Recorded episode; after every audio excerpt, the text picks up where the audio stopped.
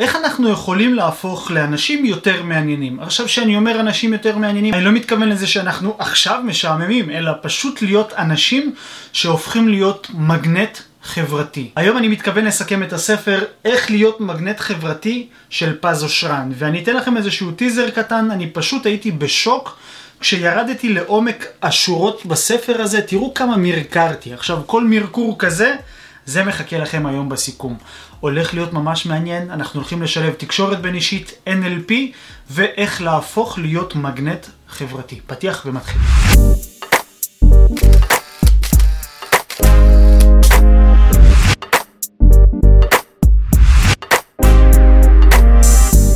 אז מה קורה חברים? כאן איתכם רפאל יגודאי, והיום אני רוצה לסכם את הספר איך להיות מגנט חברתי של פז אושרן. ועכשיו התת כותרת היא, תראו, כך תקיף את עצמך באנשים איכותיים כמוך. עכשיו, מה שמעניין כאן, חברים, שנכנסתי לספר הזה מאוד סקפטי. לא באמת ידעתי לאן אני הולך ומה אני הולך לקבל, אבל כמו שאתם זוכרים בטיזר שעשיתי לספר הזה, ויופיע לכם כאן בפתקית, אפילו כאן למטה, תוכלו לראות שפתחתי את החבילה והייתי פשוט עמום מזה שרק דפדפתי בדפים וגיליתי כאן עולם שלם של NLP תקשורת ואיך פשוט להפוך לבן אדם יותר מסקרן ולנהל שיחות עם אנשים שאותם שיחות ישאירו רושם בצד השני ויגרמו להם להרגיש נינוחים לידי. עכשיו, מה שמעניין זה שאנחנו מדברים על איך לנהל שיחה עם אנשים, זה לא רק איך לדבר עם אנשים ברחוב, אלא זה איך ליצור שיחות מכירה טובות, איך ליצור סרטונים ולדעת איך לדבר בסרטונים, ואיך לגרום לעצמנו לחשוב על דברים יותר איכותיים בשביל להיות אנשים מסקרנים. עכשיו, אנשים מסקרנים אלה אנשים שממש בא לנו להיות לידם ולהבין מה בדיוק הסימן שאלה הזה שגורם להם להיות מסקרנים. אז אני רוצה להגיד לכם כמות המרקורים שהבאתי כאן בספר היא באמת ענקית, ואנחנו הולכים לדבר המון על מה אנחנו צריכים לעשות כדי להיות אנשים מאוד מאוד מעניינים לשיחה, איך לעשות את זה, ולמה זה לא הצליח לנו כל כך עד היום, ובסוף אפילו הכנתי לכם כמה טיפים שהם בונוס. ממש ענק בעיניי, כאילו, אני יכול להגיד לכם, אחרי שאני למדתי NLP ותקשורת בין אישית, וגם איך לדבר מול מצלמה, בספר הזה הוא מאחד את כל מה שלמדתי בהמון קורסים מפוזרים. אפשר להגיד שבספר הזה הוא לקח רוב מה שלמדתי ואיגד את זה לזה. מעניין, לא? יאללה, בואו נתחיל. אז בואו נתחיל בנקודה הכי ראשונה, שזה הגדרת המטרה, ללמוד, להבין וליישם את כל מה שקשור לתקשורת בין אישית. ואני עכשיו רוצה להגיד לכם גם למה זה מאוד חשוב. כי אם אנחנו רוצים להבין את הצד השני ולנהל שיחה ואינטראקציה מסוימת עם הבן אדם שעומד מולנו, אם זה לדבר מול קבוצה, אם זה לדבר מול בן אדם אחד, אם זה בטלפון, אם זה מול מצלמה כמו שאני עושה איתכם מדי שבוע, אז אנחנו צריכים להבין שאנחנו חייבים ליישם את זה. חייבים. עכשיו, ללמוד תקשורת בין אישית זה להבין המון המון ניואנסים של מה קורה בצד השני, כמו אתם הצופים, כמו אלה בשיחת הטלפון בקו, או זה שאנחנו מנהלים איתו אינטראקציה פנים מול פנים. אנחנו צריכים להבין ולהיכנס לתוך הראש שלו, ולהבין מאיפה השפה שלו מגיעה, מאיפה הלבוש שלו מגיע, השפת גוף שלו, האינטונציה, התווי פנים, המימיקות פנים. כל הדברים האלה, ברגע שאנחנו מאגדים אותם לדבר אחד, אנחנו מצליחים לגבש על הבן אדם שמולנו איזושהי מסגרת שבה אנחנו יכולים לתקשר איתו יותר טוב, ובכך להיות אנשים שהם הופכים להיות מגנט חברתי, אוקיי? עכשיו, חשוב להבין שאם אנחנו לא לומדים ומיישמים את המיומנויות של תקשורת בין אישית, גם אי החלטה זה קבלת החלטה. בואו נבין את הנקודה הזו, בואו ניכנס לזה יותר לעומק. יש אנשים שפשוט מקבלים החלטה לעשות שינוי בחיים שלהם, נכון? הם קיבלו החלטה, היה להם איזשהו טריגר שממש זעזע אותם, או אפילו עורר בהם השראה, והם החליטו, אוקיי, אני חייב לשנות את החיים שלי ולהתחיל ללמוד איקס דברים כדי להשתפר. ויש את אלה שאומרים, אני לא צריך את זה, או לא מודעים לזה שהם צריכים את זה. עכשיו, ההבדל הכי יפה כאן הוא שאין בעצם הבדל. שניהם קיבלו החלטה. אחד קיבל החלטה להתקדם, אחד קיבל החלטה להישאר במקום, או פשוט הוא לא מודע לזה שהוא נשאר במקום. שניהם קיבלו החלטה. אחד קיבל החלטה שתקפיץ אותו למעלה, ללמוד איך ליישם את התקשורת בין אישית, ואחד קיבל החלטה פשוט לא ללמוד, זה לא בשבילי עכשיו, זה לא מתאים לי עכשיו, או אני אפילו לא יודע שאני צריך את זה. אז חברים, אני רוצה שתבחרו את הצד שאתם רוצים להיות במשך כל הסיכום הזה.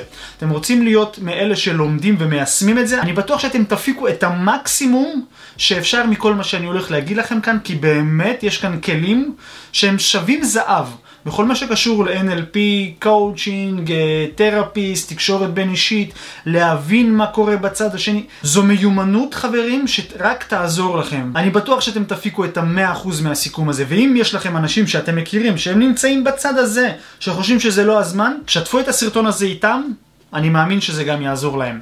בואו נתחיל. עכשיו שימו לב, הנקודה השנייה שאנחנו צריכים להבין זה שתקשורת בין אישית זה לא רק המלל שאנחנו זורקים, אלא כשאנחנו עומדים מול בן אדם, הוא כבר רומז לנו.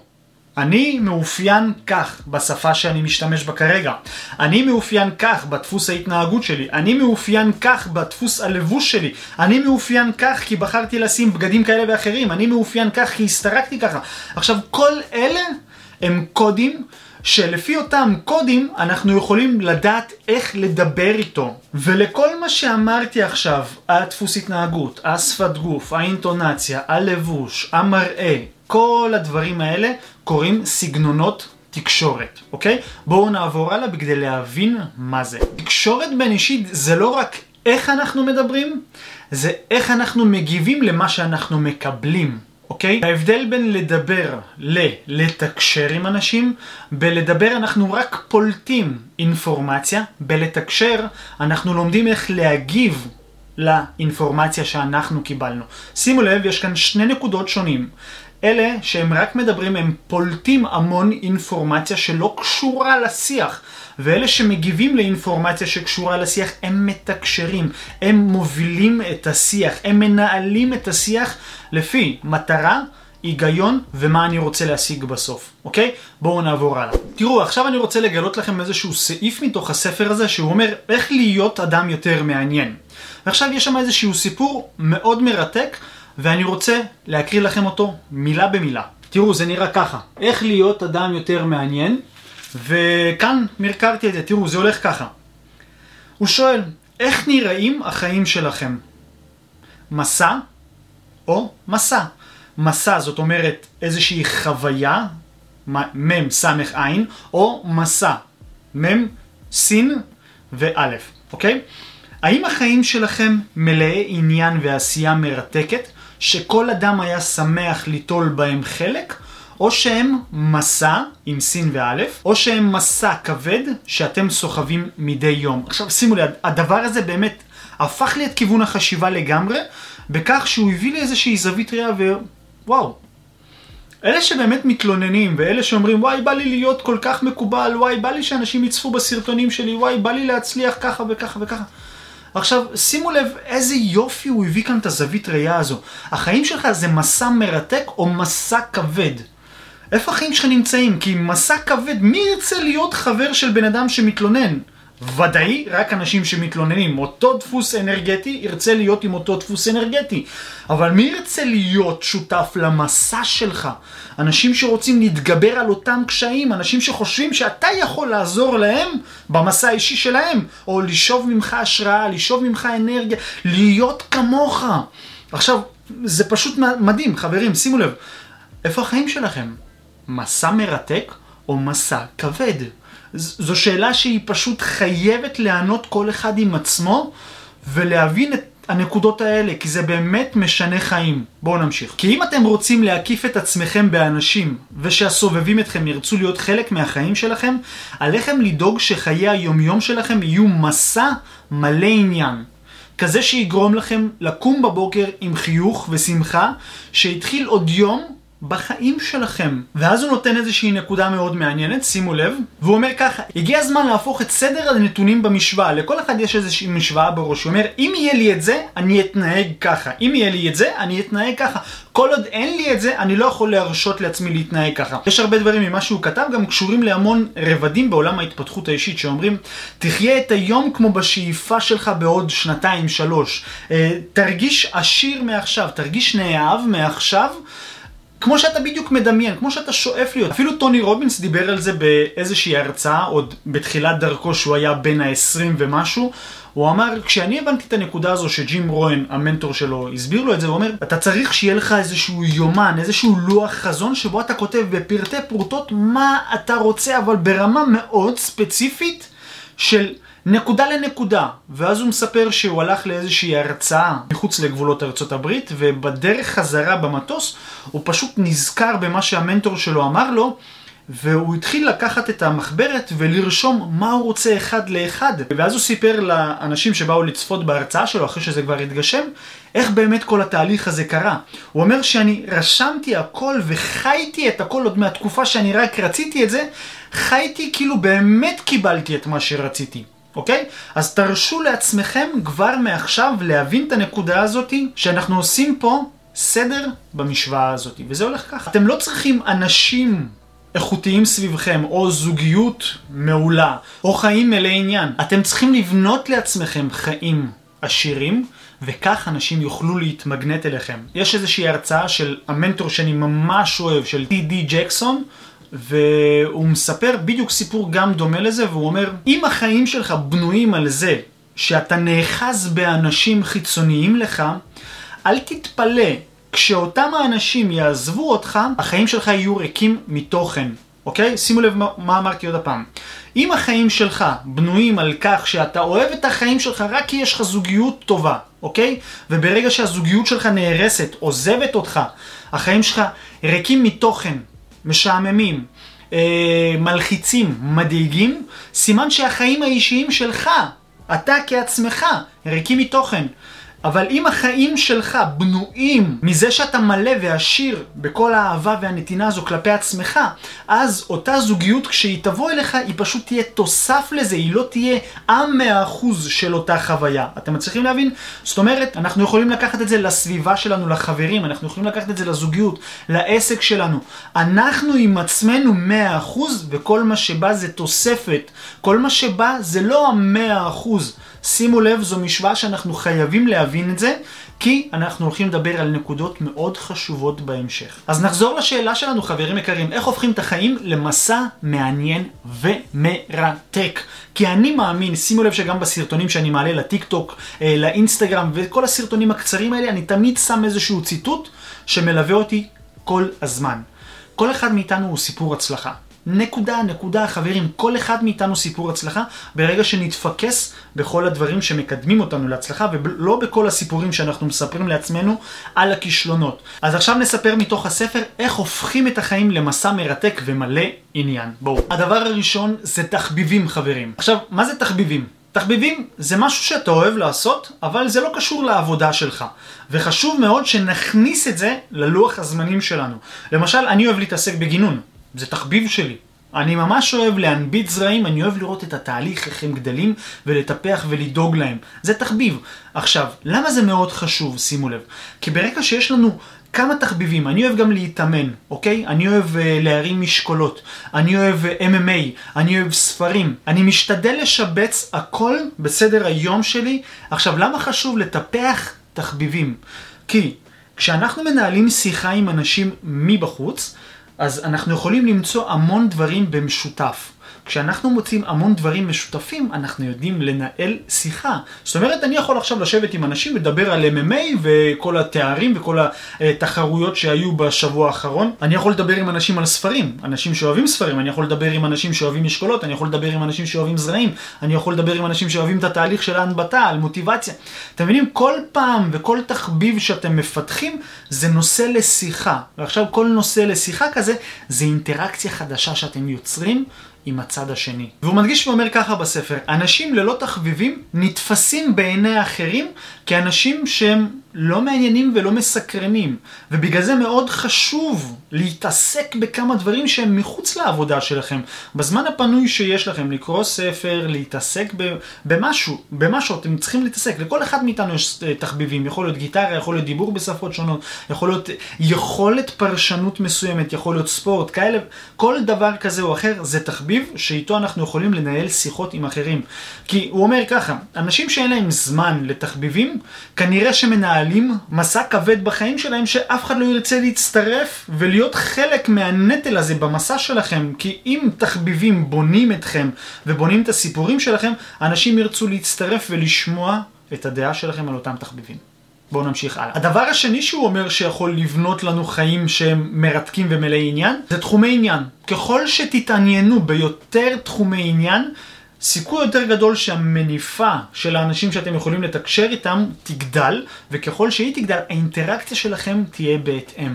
בואו נעבור הלאה. שלוש, זה אתגרים אישיים ומטרות אישיות. עכשיו, למה זה מאוד חשוב? שימו לב. מטרות אישיות נותנות לנו את הדרייב להתקדם בחיים ולשאוף להשיג עוד דברים. עכשיו, ברגע שאנחנו שואפים, אנחנו חדורי מטרה, אנחנו רוצים להשיג עוד, אם הרמתי היום 10 קילו, מחר אני רוצה 15 קילו. אתם מבינים, כל התהליך הזה, לשבור את עצמי מנטלית ולהכין את עצמי לרמה הבאה, גורם לי בעצם לפתח איזשהו חוסן מנטלי, ואנשים רוצים להיות ליד אנשים כאלה. אז עכשיו דיברתי על משקולות, מחר זה יכול להיות על עסק, מחר, מחרתיים זה יכול להיות על לימוד גיטרה, או על תקשורת בין אישית, או ללמוד להכיר עוד אנשים, שפות חדשות. כל הדברים האלה בונים בעצם את התיוג שלנו כאנשים מעניינים מאוד. כי אנשים ללא מטרות נתפסים בדרך כלל כאנשים שתקועים מאחור. עכשיו בואו נצייר את הדוגמה הבאה. יש פה בן אדם שקוראים לו ראובן לצורך העניין. יש לו מטרה ליצור הצלחה בחיים. אז הוא שואף, הוא מנסה, הוא מנסה, הוא מנסה. ויש פה בן אדם בשם יעקב, שוואלה מתאים לו לחיות איך שהוא רוצה. עם איזה בן אדם אתם תרצו להיות בקשר, לצורך העניין, עם הבן אדם שלומד, מתפתח, מתקדם, חוקר, מפענח, משתדל, עושה, החיים שלו צבעוניים כמו הקשת, וזה בן אדם שקם בבוקר, הולך לעבודה, חוזר, נשכב עם הנטפליקס, מפצח גרעינים, בירה ולילה טוב, ו- וככה גם למחרת. עם איזה בן אדם תרצו לבלות את, את המהלך היום, לצורך העניין, עם זה או עם זה? אני כנראה כבר יכול לנחש את מי בחרתם, נכון? בואו נעבור הלאה. הנקודה הרביעית שהוא מציין כאן היא חוויות. כל אחד מאיתנו עבר חוויות בחיים. עכשיו, עוד פעם, אם חוזרים לנקודה הזו של איך להפוך את החיים שלנו לחיים מלאי מסע ועניין, החוויות האלה הם סיפור. עכשיו, חשוב להבין שכל חוויה כזו זה סיפור שאנשים ישמחו לשמוע אותו. נניח ואני עכשיו מדבר עם בן אדם. נפגשנו ברחוב, או אפילו בן אדם שהתקשר להתעניין בשירות שאני מציע, אני עושה גם סרטוני תדמית לבעלי עסקים, מטפלים, מאמנים, יועצים, ואנחנו מנהלים שיחה. עכשיו, הוא העלה איזשהו נושא שוואי, הוא ניסה לצלם סרטון בעצמו, וזה נתקע לו והתפקשש לו, אז שימו לב, בגלל שיש לי תחום עניין וחוויות שדומות לבן אדם השני, אני יכול להעלות את, את הנושא לשיחה הזה ולדבר איתו. אתה יודע, זה מזכיר לי את הפעם האחרונה שהלכתי לצלם לקוח, בדיוק היה לו סיפור כמוך, ולתת לו את הפרשנות שלי לתוך הסיפור הזה, וככה תוך כדי להתקרב אליו. עכשיו, כל מה שאמרתי עכשיו זה טכניקה גם בעולם המכירות. אנשים משתמשים בזה והם מכניסים את החוויה האישית שלהם בתוך סיפור שכבר נאמר. עכשיו, אם לא הייתי מתעסק בצילום ולא היה לי רקע ולא היה לי חוויה שקשורה לצילום, לא יכלתי להשתלב לשיחה שלו ולנהל איתו איזושהי אינטראקציה. מה שהיה קורה זה שהוא היה מספר לי והיה נתקע בבלוק. אין לי משהו להוסיף על מה שנאמר. ועכשיו, מה קורה במצב כזה? הוא פשוט מתבאס. והוא לא יציע לי לדבר איתו על אותו נושא פעם הבאה. אתם מצליחים להבין, ברגע שיש לנו חוויות שאנחנו יכולים להפוך אותן לסיפור, זה יכול לעזור לנו גם בתקשורת בין אישית, גם בזוגיות, גם בשיחות מכירה שאנחנו מנהלים, ובכל דבר אחר שנחליט לעשות עם אותה חוויה ועם כל מה שדיברנו לפני זה. בינתיים, בואו נעבור הלאה. הוא אומר כאן משהו מאוד מדאיג, הוא אומר... יש אנשים שפשוט לא רוצים ליצור חוויות חדשות כי הם תקועים באזור הנוחות.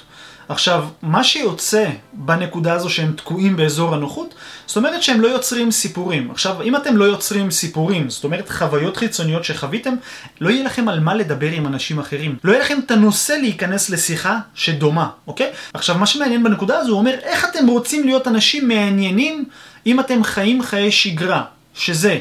Uh, עבודה, כמו שאמרתי מקודם, uh, לחזור לבית, להתקלח, לאכול, נטפליקס, ולמחרת אותו דבר.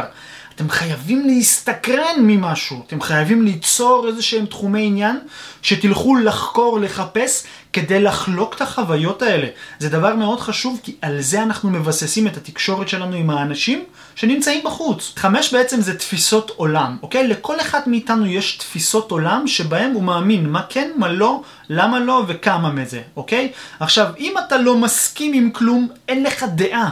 אין לך דעה, אין לך על מה לדבר. אין לך על מה לדבר, אתה לא מעניין. כן, אני יודע שזה קצת קשה לשמוע את מה שאמרתי עכשיו, אבל חברים, אנחנו באמת רוצים לשאוף להיות אנשים מעניינים, מסקרנים, כאלה שטורפים את העולם, בין אם זה בתקשורת בין אישית שלנו עם אנשים חדשים, לבין אם זה בעולם העסקים שאנחנו פשוט רוצים לבלוט. בין אם זה במדיה החברתית, לבין אם בכל מקום אחר, לבלוט ברשת, לעשות רעש דיגיטלי כדי שאנשים יכירו את השליחות שלנו, אנחנו חייבים לחקור את העולם הזה ולחקור דברים חדשים וחוויות חדשות. כל ספר שאני קורא, אתם רואים כאן מאחורה, אני בעצם חוקר דברים חדשים, כדי שיהיה לי על מה לדבר איתכם, כדי שיהיה לי מה לספר לכם, וכדי שיהיה לי מה לדבר עם אנשים שאני פוגש בחוץ. זה דבר מאוד מרתק, חברים. כל תחום עניין חדש שאתם מוסיפים לחיים שלכם, זה עוד מטיל זהב שאתם שמים כהשקעה בעולם ההתפתחות האישית שלכם. ואם אתם בעלי עסקים, אז כמובן שזה עשר מטילי זהב בהתפתחות העסקית שלכם. בואו נעבור לנקודות הבאות בספר הזה, כי גם הן מאוד חשובות. טוב, אז הנקודות הבאות הן הולכות להיות מאוד מעניינות, כי זה ממש כמו צ'קליסט, מה צריך לעשות, אוקיי? זה הולך ככה. אנשים שאוהבים אנשים, ממגנטים אליהם יותר אנשים, שימו לב. אנשים שאוהבים אנשים הם בעצם אנשים שהם שמחים ליצור אינטראקציות עם אנשים חיצוניים, גם עם אנשים שפגשו אותם ברחוב ועצרו אותם, היי, מה שעה וכאלה. תקבלו אותם בברכה. ברגע שתהיו כאלה, אתם בעצם פותחים את השערים לשיחה, לתקשורת. וזה יכול להיות סתם עם בן אדם שעצר אתכם ברחוב, יכול להיות סתם עם לקוח חדש שהתעניין בשירות שלכם, אוקיי? ויש עוד נקודה שהוא אומר, כל האנשים רוצים להרגיש מוערכים ולהרגיש רצויים. וברגע שאתם תתחילו לאהוב אנשים, בעצם, גם אם לא נוח לכם לדבר ודברים כאלה, לאהוב אנשים, פשוט מאוד, ולתקשר איתם, לקבל את הדבר הזה שכן צריך לתקשר עם אנשים, אותם האנשים מהצד השני ירגישו מוערכים ורצויים, וזה יגרום לקרבה ביניכם. וכשזה קורה, נוצר החיבור. ועכשיו אנחנו נדבר על זה. כי באופן טבעי, כשאנחנו מרגישים נינוחים, אפשר לראות את זה על הפנים שלנו. כשבן אדם מתוח ולחוץ, כל התווי פנים שלו נסגרים והוא ככה, מאופק. הגבות מתכנסות ביחד, אה, הוא כולו דרוך כזה, בוא נקרא לזה ככה, דרוך, וכשבן אדם מרגיש נינוח, הוא פשוט יכול לשבת בכיף אפילו לחייך, להעלות איזשהו חיוך קטן כזה, ושפת הגוף שלו יותר נעימה. השפה שלו היא פשוט שפה כזו מקבלת, ולא שפה דרוכה, ממש חדה, במילים קרות כמו כן ולא. אתם מבינים?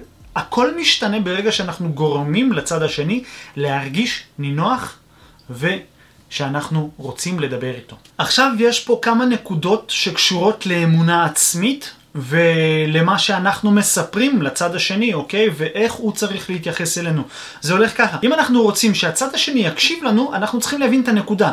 בין עיקר לטפל. זאת אומרת, דמיינו לעצמכם את הסיטואציה שאנחנו מדברים על עסקים, אוקיי? פתאום אנחנו מדברים על עסקים ואז אני קופץ, אה, אתה יודע, אתמול הייתי בספארי. איך זה קשור לשיחה? אם אני אדבר ככה ואזרוק דברים שהם טפל ולא העיקר, למה שאתם תקשיבו לי? למה שאתם תשקיעו את הזמן הזה בלנסות להבין מה אני רוצה להעביר לכם את המסר כאן, אם אני כל פעם מעיף לכם את הקשב ריכוז. ואני גם מלמד נקודה כזו חשובה בקורס הדיגיטלי שלי על יצירת תוכן בווידאו. שימו לב, זה מאוד חשוב. אם אנחנו רוצים שהמסר המילולי שלנו בזמן יצירת התוכן יעבור לצד השני, שנמצא במרחב הדיגיטלי, יכול להיות ברכבת, יכול להיות בכל מקום אחר, אנחנו צריכים לדבר תכלס. ישר ולעניין, כמובן שיש המון אלמנטים שעוטפים את זה, אבל אם אנחנו נדבר עם המון דוגמאות שלא קשורות למסר שלנו, למה שהוא ישקיע בנו זמן, שבזמן הזה הוא יכול לדפדף במקום אחר? ולכן, מה שאני מנסה להגיד לכם, זה שאנחנו צריכים להיות עיקריים, לדבר דוך. לא לדבר על שטויות שלא קשורות למסר שלנו. אם המסר שלנו צריך לעבור ככה, לא לדבר על דברים שמוציאים את ההקשר מהמסר. עכשיו, כשהמסר שלנו עובר לפה, אז הוא פונה לקשב שלכם, לריכוז שלכם. אם אני אדבר עם דוגמאות מסביב, אז הקשב שלכם בורח גם לעניין הזה של הדוגמאות מסביב. עכשיו, ברגע שאני מדבר איתכם על עסקים וזורק דוגמה על הספארי שלא קשורה לעסקים, אתם מתחילים לדמיין את הספארי ולא את העסקים שאני רוצה לדבר איתכם. מצליחים להבין את הנקודה? בואו נעבור הלאה. הדבר הבא, בכל מה שקשור לאמונה, זה להאמין שאנחנו אנשים מעניינים, ושמה שיש לנו להציע בסיפור שלנו שאנחנו רוצים לספר, באמת מעניין ושווה את זה. אוקיי? אם אנחנו לא נאמין בזה, אנחנו בעצם נשדר חוסר ביטחון, וחוסר ביטחון יתפרש על ידי הצד השני שאנחנו מפחדים. ומי ירצה לדבר עם אנשים שמפחדים ולא בטוחים בעצמם, אוקיי? לכן תאמינו במסר שלכם, תאמינו בחוויות שלכם. אז אם אנחנו כבר מדברים על חוויות, בואו נעבור לנקודה הבאה, שהיא בעצם אומרת שהיכרויות בין אישיות נמדדות בכמות החוויות שיצרנו ביחד עם אותם אנשים. יש לכם חברים מהצבא? יש לכם חברים מהבית ספר? למה אתם עדיין שומרים על קשר, בין אם זה קשר טלפוני לבין אם זה קשר של פגישות כאלה ואחרות? עם אנשים שהייתם איתם לפני שנים, כי יש ביניכם איזושהי קרבה רגשית, עברתם חוויות ביחד, בין אם זה צחוקים משותפים, לבין אם זה דמעות משותפות, לבין אם זה כאב, געגועים, רגשות כאלה ואחרים, כל דבר כזה יוצר ביניכם כימיה. הדבר הזה שיוצר את הכימיה זה בעצם הקשר. עכשיו, הדבר שמעניין ביותר, אתם לא צריכים לעבור עם כל בן אדם דברים מטלטלים רגשית. אתם יכולים ליצור את זה בעזרת סיפורים. ברגע שאנחנו לומדים לספר את הסיפור האישי שלנו, זוכרים את החוויות דיברנו מקודם?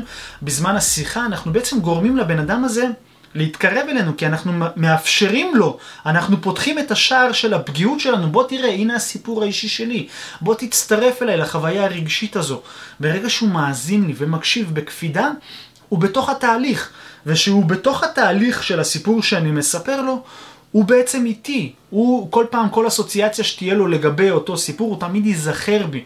וככה גם לבעלי עסקים שרוצים להעביר מסרים. ככל שתהיו יותר אותנטיים עם הקהל שעוקב אחריכם, הם ירצו להיות חלק מהתהליך הזה.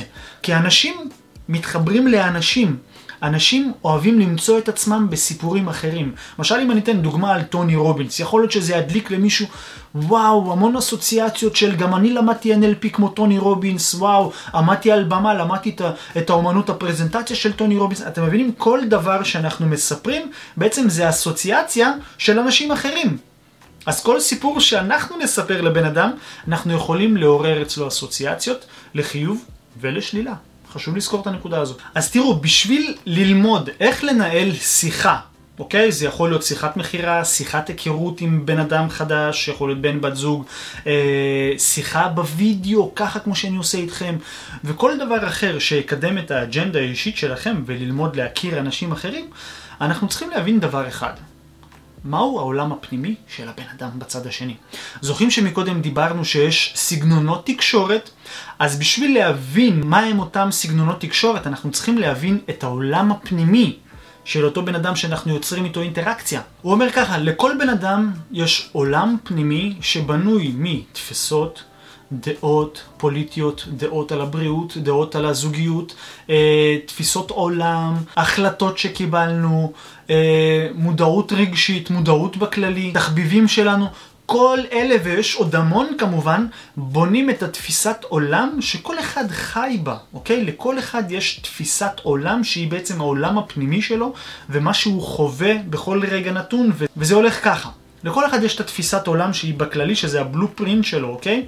ואז אותם התפיסות עולם בעצם הן מגדירות מה הוא יחשוב לגבי אותה סיטואציה שקורית לו בעולם. לצורך העניין אני מתעניין בכדורגל.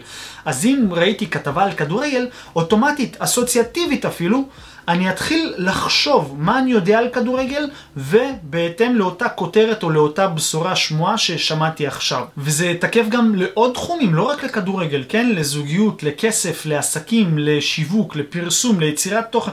המון המון המון המון דברים שמגדירים את האדם. כל הגדרה כזאת היא בעצם הקו החשיבתי שלו. הקו החשיבתי שלו זה המלל שהוא ידבר איתכם. למה זה מאוד חשוב לזהות את הדבר הזה שאנחנו מנהלים שיחה? כי אם השפה שלו היא א', ואנחנו נדבר איתו על ד', איך אנחנו ניצור את החיבור הזה? אנחנו כאנשים שרוצים להתפתח ולבנות כאן את המיומנות הזו של תקשורת בין אישית, חייבים להבין לקרוא את השפה שלו. אם הוא מדבר א', אנחנו צריכים להתאים את עצמנו לרמה א', ואז למשוך אותו אלינו לתקשורת שאנחנו רוצים להוביל ולנתב, אוקיי? חשוב להבין את הנקודה הזו שאנחנו צריכים לדבר בשפה שלהם. אז הוא אפילו נותן כאן את הדוגמאות איך לזהות סגנונות תקשורת בכדי להבין את העולם הפנימי של הבן אדם, אוקיי? זה הולך ככה, הלבוש של הבן אדם שמולנו. איך הוא מתלבש. כל פריט שהוא שם, כל צבע שהוא שם, כל דרך שבה הוא יתלבש, עניבה, מכופתרת, טישרט, כל זה מסמל משהו, אוקיי? אנחנו צריכים לנתח ולהבין מה זה מסמל כדי לדעת איך לדבר איתו. בואו תראו מה הוא עוד אומר. הסגנון דיבור שלו, באיזה שפה הוא משתמש? גבוהה, שפה עממית, מדבר לאט, מדבר מהר, כל זה אומר משהו על הבן אדם שמולנו. הדבר הנוסף זה התוכן. התוכן שאנשים ימסרו לנו. כל מילה שהם מביאים לנו בעצם, הם מגלים לנו על עצמם קצת באופן תת-הכרתי. הנקודה הבאה זה מילים רגישות. לכל בן אדם יש מילים רגישות בזמן שהוא מדבר, הוא פולט את אותם מילים, ובכך שהוא מספר לנו את אותם מילים בלי לשים לב, אנחנו בעצם יכולים לבנות את ההגדרה סביבו ולדעת איך לתקשר איתו. אז יש כאן עוד טכניקה שיכולה להעשיר את השיחה שלנו ולהפוך אותנו לאנשים שהם מגנט חברתי הלכה למעשה, בואו נצלול לעומק השיטה הזו. הנקודה הראשונה זה חוויות אישיות. ככל שיש לכם יותר חוויות אישיות של שמחה, כאב, עצבות, הפסדים, ניצחונות, אה, כשלים, מכשולים, כל החוויות שבהם הייתם בין הפטיש לסדן, זה יכול להפוך לסיפור שהוא יכול לעורר השראה מהצד השני. אבל חשוב לזכור את הכלל הזה, כשאתם מספרים סיפור, רצוי מאוד שהוא יהיה סיפור עם סוף אופטימי, כדי לא להשאיר את האנשים שאתם מדברים איתם בחוויה שלילית בסוף. לכן כל פעם בסוף חשוב לסגור את הסיפור במשהו שהוא סיפור אופטימי, סיפור שייתן להם תקווה, סיפור שיעורר בהם השראה וישאיר בהם טעם של עוד לגלות עליכם. נקודה נוספת זה ככל שיש לכם יותר חוויות שאתם יכולים לספר עליהם בסיפורים שאתם מנהלים שיחה בכדי להפוך לאנשים ממגנטים יותר, אז אותם סיפורים בעצם גורמים לאותם האנשים להתחבר אליכם באופן רגשי. וכל רגש שיתבסף להקשבה בסיפור שלכם, יחזק ויעצים את רמת הקשר ביניכם לבין האדם שאתם מתקשרים מולו. הנקודה השנייה זה ידע כללי, וכאן הוא אומר, תעשירו את עצמכם בידע כללי, כי זה יעצים את השיחות שלכם, זה רק יוסיף לכם לחיים. בואו נעבור לנקודה שלוש. נקודה שלוש זה שפה קלילה. תראו, שפה קלילה זה אחד מהנקודות הבולטים שיכולים לגרום לאנשים שאתם מתקשרים איתם להתחבר אליכם. ועכשיו, דמיינו לעצמכם את הסיטואציה שהייתי מדבר איתכם במונחים של עורך דין אני בטוח שהייתם מתרחקים או לא מבינים עד הסוף מה אני רוצה. וזה מזכיר לי את הנקודה שפעם אני יעצתי למאמן כושר שסיים עכשיו תואר בחינוך גופני, אז כל סרטון או כל פוסט שהוא היה מעלה, הוא היה מדבר במונחים פיזיולוגיים. זה מזיז את שריר הארבע ראשי, וכשהשריר הארבע ראשי הוא במנח כפיפה, אז ככה וככה. מי מבין את השפה הזאתי? רק אנשים שלמדו את זה. ואותו מאמן הרי שלימדתי אותו איך לשווק נכון, הוא לא רצה למכור את השירות שלו לאנשים שלומדים את מה שהוא למד, הוא רצה למכור את זה לקהל שצורך אימוני כושר. עכשיו, כל פעם שהוא דיבר בשפה גבוהה ובמונחים פיזיולוגיים, מי, מי ידע להבין מה הוא רוצה? הקהל שלו לא הבין. ולכן אני אומר לכם שהשפה הקלילה שאנחנו צריכים לשמור בשיח שלנו היא מאוד חשובה, כי שפה קלילה יוצרת רפור. רפור זה החיבור שנוצר בנו. אה, אתה מבין אותי? כן, כן, בטח שאני מבין אותך. מבין, מבין, והשפת גוף שלי מאשרת את זה, נכון? בואו נעבור לנקודה 4. בנקודה הרביעית הוא נותן דגש מאוד חשוב, שזה מגע. עכשיו אני רוצה לפתוח את השיחה הזו במגע. עכשיו, כשהוא אומר מגע, זה לא ללכת ולגעת באנשים בכוח. יש נקודות, וגם בספר הוא מציין את זה, יש קודים חברתיים במקומות מסוימים שאסור לגעת. למשל, בכל מה שקשור לדת. אסור ליצור באופן יזום מגע עם המין השני, זה לא מקובל במקומות כאלה, בפוליטיקה, בכל מיני מקומות כאלה. כל מגע שאנחנו ניתן עם המין השני, בכוח ולא בהסכמה, יכול להתפרש במשהו שהוא לא טוב לנו, אוקיי? לכן חשוב לזכור, שהוא מדבר על מגע, ואני הולך לתת לכם את הנקודות האלה מהספר עכשיו, הוא מתכוון לדברים הבאים. נניח ואתם עכשיו לוחצים יד עם מישהו, נכון? אז זה המגע, אוקיי? תשתדלו לעבוד על הלחיצת יד שלכם שתהיה ממש דומיננטית, אל תפרקו לו את האצבעות, נתקלתי גם בכאלה שמפרקים אצבעות, תלחצו יד, יציבה. אתם יכולים להוסיף את היד השנייה וללחוץ אותה ככה, משני הכיוונים, זה מראה על כבוד. אתם יכולים לבוא ולגעת בכתף לבן אדם. אתם מבינים? כל מגע כזה יוצר קרבה וחיבה, וזה מאוד חשוב ביצירת מערכות יחסים. רק חשוב שתזכרו, מגע עם המין השני חייב לבוא בהסכמה ולא לעשות את זה בכפייה, אוקיי? בואו נסגור את הפינה הזו ונעבור הלאה. אז בשיטה הבאה שאני הולך להציג בפניכם עכשיו, הוא בעצם רוצה לגלות לנו איך לדבר בצורה מעניינת. בואו נתחיל. הנקודה הראשונה זה אינטונציה, אוקיי? זאת אומרת, היא הטונים שבהם אנחנו מדברים. הטונים שבהם אנחנו מנהלים את השיחה. והוא נותן כאן איזושהי דוגמה מאוד חשובה בכל מה שקשור לדיבור בפני אנשים, בפני מצלמה, בשיחות, אוקיי, בכללי. הוא אומר שאתם מאזינים לשיר מסוים. עכשיו, בכל מלודיה מוזיקלית יש טונים, נכון? טונים שמשתנים. טה טה טה טה טה טה טם, טה טה טה טה טה טה טם, טה טה טה טה טה טה טה, נכון? זה משתנה, לא יודע למה בחרתי במנגינה הזו, אבל זה אסוציאטיבית עלה לי. עכשיו, דמיינו לעצמכם אם כל השיר הזה לצורך העניין היה ככה. טה טה טה טה טה טה טה טה טה טה טה טה כל השיר היה ככה, הייתם מאזינים לו? סביר להניח שלא. ולכן, כשאתם מדברים, חשוב שהאינטונציה שלכם תהיה בהקשר למה שאתם אומרים. אם אני עכשיו מדבר עם בן אדם, דמיינו לעצמכם ככה, היי, מה קורה? אתמול הלכתי ופגשתי מישהי, וממש, אני מרגיש שהתאהבתי בה. ואני מרגיש שאנחנו הולכים לבנות בית, וגם זכיתי בלוטו אתמול, וגם... תראו כמה דברים, דיברתי עכשיו דברים משמחים, ודיברתי ככה, ממש רדוד. עכשיו שימו לב לדוגמה של האינטונציה. היי, hey, מה קורה יעקב? מה שלומך? וואלה, אתה לא יודע, אתמול פגשתי מישהי שממש מצא חן בעיניי, ואני רוצה לבנות איתה חיי משפחה.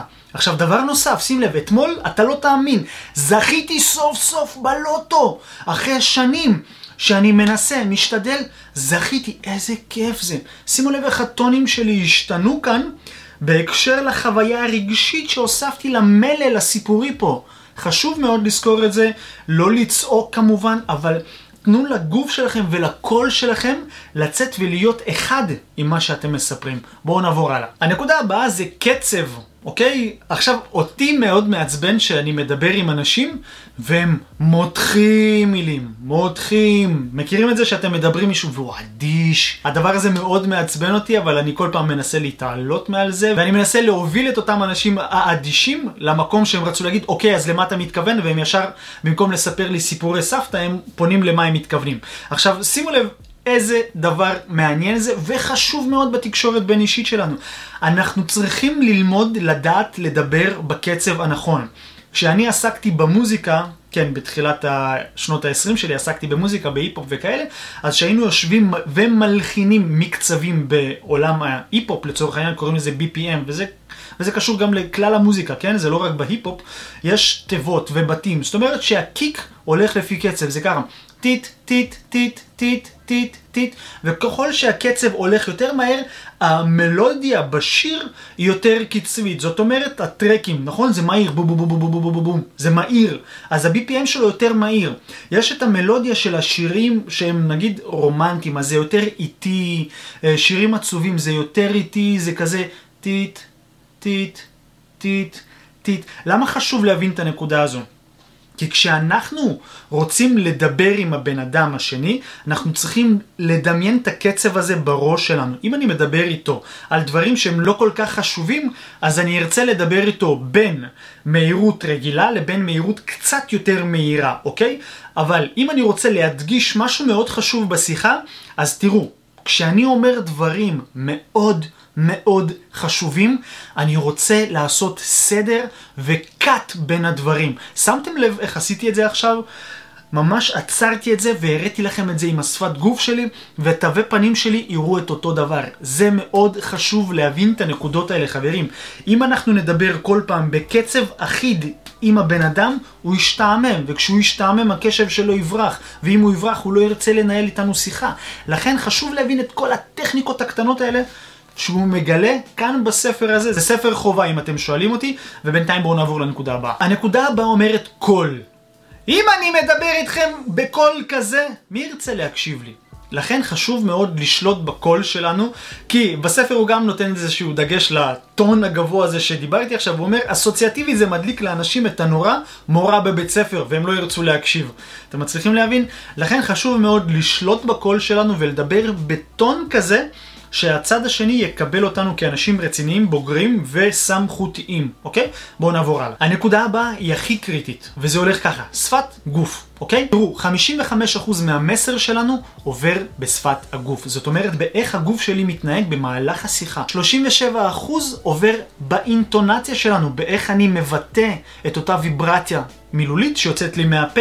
באיזה טונים אני מחליט לדבר ולשחק עם המילים האלה בזמן השיחה שלנו. ורק 7 או 8 אחוז עובר באמצעות המלל שלנו. שימו לב איזה משוואה זאתי. 55 אחוז שפת גוף, 37 אחוז אינטונציה, ו-7 או 8 אחוזים זה רק המלל שלנו. זאת אומרת, איפה אנחנו משקיעים את רוב האנרגיה שלנו בלספר סיפור ולתקשר? ובשביל ליצור שיחה מעניינת, אנחנו חייבים לאגד בין כל הדברים האלה. שפת גוף, המלל שלנו, האינטונציה, המסר, המחוות פנים, אוקיי? תנועות הידיים, אוקיי? חשוב לשלב את כל זה כדי ליצור את המעטפת. בואו נעבור הלאה. הנקודה הבאה מדברת על תנוחות גוף, ובגדול זה אומר למצוא את האיזון בין להיות רפוי, אוקיי? שזה אומר להרגיש בנוח, לבין להיות יציב, מתוח וזקוף, שזה מראה חיוניות. בואו נעבור הלאה. הנקודה הבאה אומרת הבעות פנים. שימו לב שהבעות פנים זה דבר הכי חשוב, כי זה באמת מגלה לנו מה קורה בפנים. פנים בלשון בפנים, אוקיי? וחשוב מאוד שאנחנו, בזמן שאנחנו מתקשרים, לשים לב לכל הנקודות הקטנות האלה. זאת אומרת, האוזניים לאן זזות, השפתיים, הגבות, אני מתוח, אני רפוי, כל הדברים האלה בעצם מספרים לנו מה חווה הצד השני. וכשאנחנו נלמד להכיר את זה, אנחנו נלמד לתקשר ולהבין אם המלל שלנו עבר והתקבל לאנשהו. ועוד נקודה חשובה, כשאנחנו מספרים סיפור, אל תהיו חדורים כאלה. תשתחררו, תספרו את הסיפור שלכם ותנו לגוף שלכם להיות חלק מהסיפור הזה. כמובן, אל תתפזרו יותר מדי, כן, כי זה נראה אלים ונראה מפוזר ולא אחראי, אלא תנו לאנרגיה של הסיפור, כמו שאמרתי מקודם, למלל להוביל אתכם, והשפת גוף שלכם והבעות פנים והידיים שלכם ילכו בהתאם לזה. בואו נעבור הלאה. הנקודה הבאה מדברת על מחוות ידיים. אוקיי? חשוב מאוד שהידיים שלנו יציירו בדמיון של האנשים שצופים, כמו כמוכם, כן? עכשיו אני סתם עושה ככה, אבל לצורך העניין שאני רוצה להסביר כמה נקודות, אז אני אומר, אחד, זה ככה, שתיים, זה ככה, שאני רוצה להראות לכם דוגמאות, אני אומר, זה פה וזה פה, אני נותן לכם להבין שפה יש משהו ופה יש משהו, אתם מצליחים להבין שהמחוות ידיים שלכם ידברו בשפה לא מילולית, את מה שהמילולית שלכם אומר, אוקיי? שזה יהיה משלים אחד לשני. בואו נעבור הלאה. אוקיי, אז כמו שהבטחתי לכם, יש לי כאן שני טיפים אליכם שהולכים לשפר לכם את כל מה שקשור לאיך להיות מגנט חברתי. הטיפ הראשון זה לשמור על קשר עין. תראו, בספר הוא גם מפרט על זה ואומר שמחקרים מוכיחים שברגע שאנחנו שומרים על קשר עין רציף במשך ל-20 שניות עם הבן אדם בצד השני, בעצם מופרש הורמון אהבה. וברגע שמופרש הורמון אהבה, הבן אדם בצד השני מרגיש נינוח ובטוח לידינו. וכשזה קורה, נוצרת איזושהי נקודת כימיה, ומשם אפשר להתחיל לנהל אינטראקציה.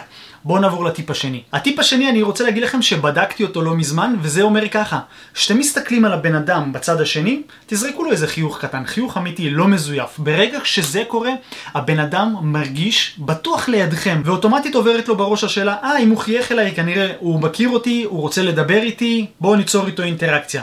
מצליחים להבין את כל זה? אוקיי חברים, אז עד לכאן הסיכום שלנו להיום, איך להיות מגנט חברתי של פז אושרן. אני רוצה להגיד לכם שזה ספר משנה חיים לכל מי שרוצה ללמוד וליישם את המיומנות הזו שנקראת תקשורת בין אישית.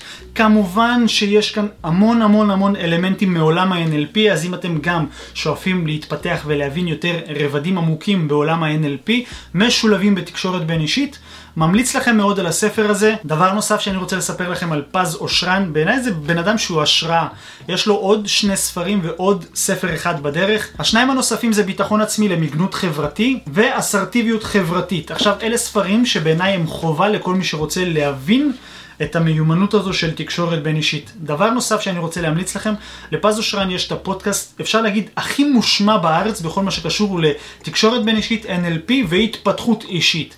ממליץ בחום, אני אשים לכם את כל הכישורים כאן למטה, תיכנסו, תקראו. וכמובן תכתבו לי כאן בתגובות מה אתם חושבים על הסיכום ואיפה זה פוגש אתכם בחיים, מה למדתם, מה אתם מתכוונים ליישם, ואנחנו נתראה בפרק הבא. להתראות חברים.